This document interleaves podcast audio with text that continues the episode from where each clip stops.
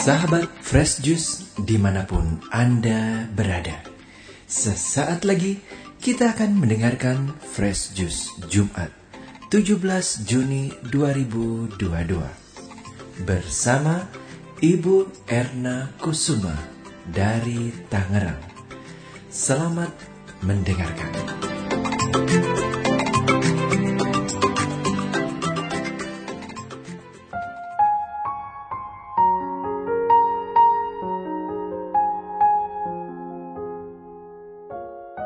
Para pendengar Daily Fresh Juice di mana pun berada, hari ini gereja mengajak kita untuk merenungkan tentang mengumpulkan harta dari pengajaran yang disampaikan oleh Yesus ketika berkhotbah di bukit yang kemudian ditulis dalam Injil Matius bab 6 ayat 12 sampai dengan ayat 23. Mari kita persiapkan hati kita untuk mendengarkan sabda Allah dan merenungkan ajaran Yesus tentang harta di bumi dan harta di surga.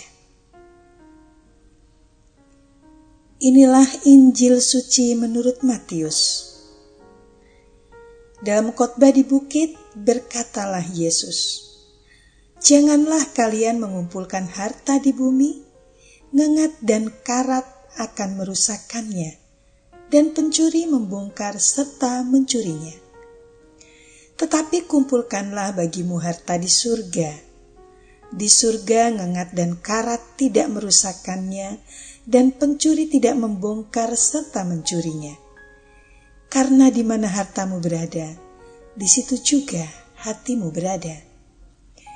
Mata adalah pelita tubuh. Jika matamu baik, teranglah seluruh tubuhmu. Jika matamu jahat, gelaplah seluruh tubuhmu. Jadi, jika terang yang ada padamu gelap, betapa gelapnya kegelapan itu.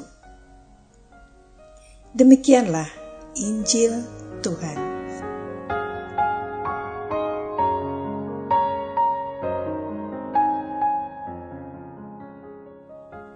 Para pendengar setia dari Fresh Juice yang dikasih Allah, sudah sejak lama saya mencari tahu seperti apa sih harta di surga itu?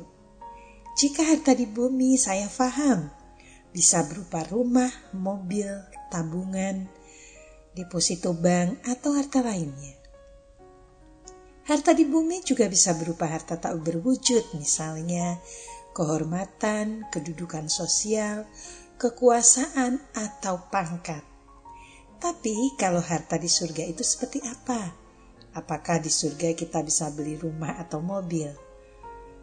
Maklum saya belum pernah ke sana jadi kurang paham. Tetapi saya mempercayai jika di surga sangat berbeda dengan yang ada di bumi.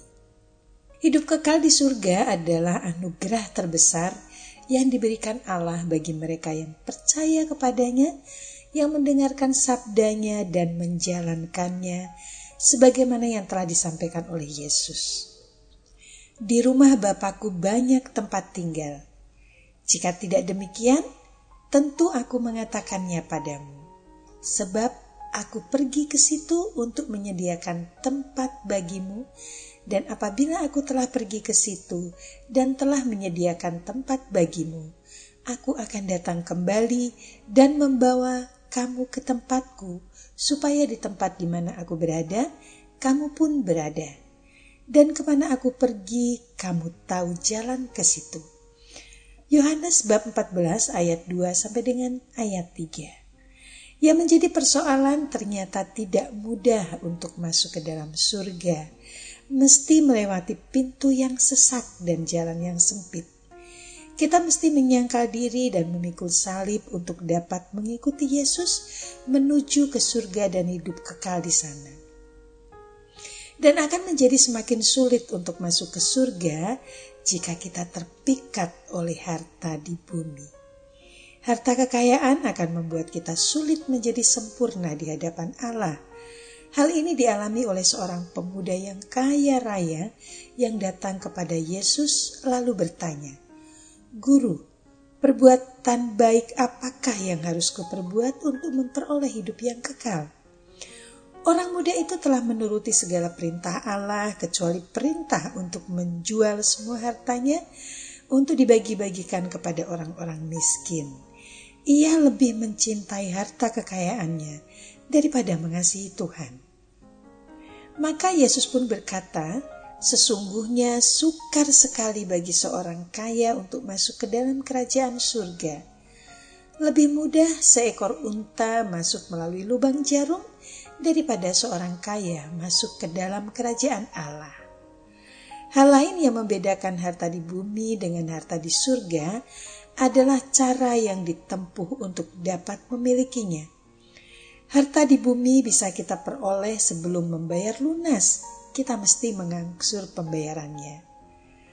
Kita bisa memiliki harta dunia dengan berhutang. Namun tidak demikian halnya dengan harta di surga. Kita tidak bisa mendapatkannya dengan cara mencicil. Yang bisa kita lakukan adalah dengan menabung seperti yang disarankan oleh Yesus. Kumpulkanlah bagimu harta di surga. Menyangkal diri dan memikul salib adalah kegiatan menabung harta surgawi. Mendengarkan sabda Tuhan dan menjalankannya juga merupakan kegiatan menabung untuk di surga. Berbuat baik kepada orang lain adalah bentuk lain dari menabung. Rupanya ada banyak hal yang dapat kita kerjakan sebagai tabungan surgawi semasih kita hidup di dunia ini. Pada saatnya kita mesti meninggalkan dunia ini harta surgawi itu boleh kita bawa dan dapat kita gunakan sebagai tiket masuk ke dalam surga. Sementara harta dunia mesti kita tinggalkan.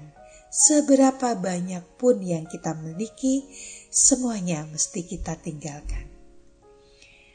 Para pendengar dari Fresh Juice yang dikasih Tuhan, harta duniawi mudah sekali menyusut, atau bahkan hilang dalam sekejap oleh bencana alam atau dicuri orang. Menyusutnya harta dunia milik kita bisa terjadi karena ulah orang lain. Seperti yang sedang terjadi sekarang ini, wabah PMK, penyakit mulut dan kuku, yang menyerang ternak telah membuat harga sapi di pasaran anjlok imbas dari PMK dan tentu merugikan para peternak sapi. Dan masih banyak contoh-contoh kejadian lain yang lebih dari cukup untuk membuktikan bahwa harta dunia ini memang rentan. Tidak demikian halnya dengan harta surgawi. Harta surgawi tidak mengenal kadaluarsa, tidak menyusut seiring berjalannya waktu. Ngengat dan karat tidak merusakannya, dan maling pun tidak dapat mencurinya hidup kekal di surga bersama Tuhan dan para kudus tentulah merupakan kebahagiaan yang tak terhingga. Sebab jika tidak hidup di surga, maka kita akan dicampakkan ke dalam dapur api dan tinggal di sana selama-lamanya bersama ratap tangis dan kertak gigi. Marilah sekarang kita berdoa bersama untuk mengakhiri renungan kita pada hari ini. Dalam nama Bapa dan Putra dan Roh Kudus. Amin. Allah Bapa yang bertahta di surga, Engkau tahu betapa rindunya kami ingin tinggal bersama di dalam kerajaan. Kami patut bersyukur sebab Yesus Kristus Tuhan kami telah membukakan kami jalan menuju ke rumahmu ya Bapa. Kami juga bersyukur Engkau berkenan mengutus roh kudusmu untuk menjagai kami agar kami luput dari iming-iming harta dunia yang tak kekal dan untuk membantu kami mengumpulkan harta surga yang kelak sangat kami butuhkan saat memasuki kerajaanmu. Puji dan syukur ini kami panjatkan kehadiratmu melalui perantaraan Yesus Kristus, Tuhan dan Penyelamat kami. Amin. Dalam nama Bapa dan Putra dan Roh Kudus. Amin. Terima kasih. Sampai jumpa bulan depan. Sahabat Fresh Juice, kita baru saja mendengarkan Fresh Juice Jumat 17 Juni 2022. Terima kasih kepada Ibu Erna Kusuma untuk renungannya pada hari ini. Sampai berjumpa kembali dalam Fresh Juice edisi selanjutnya. Jaga kesehatan dan salam Fresh Juice.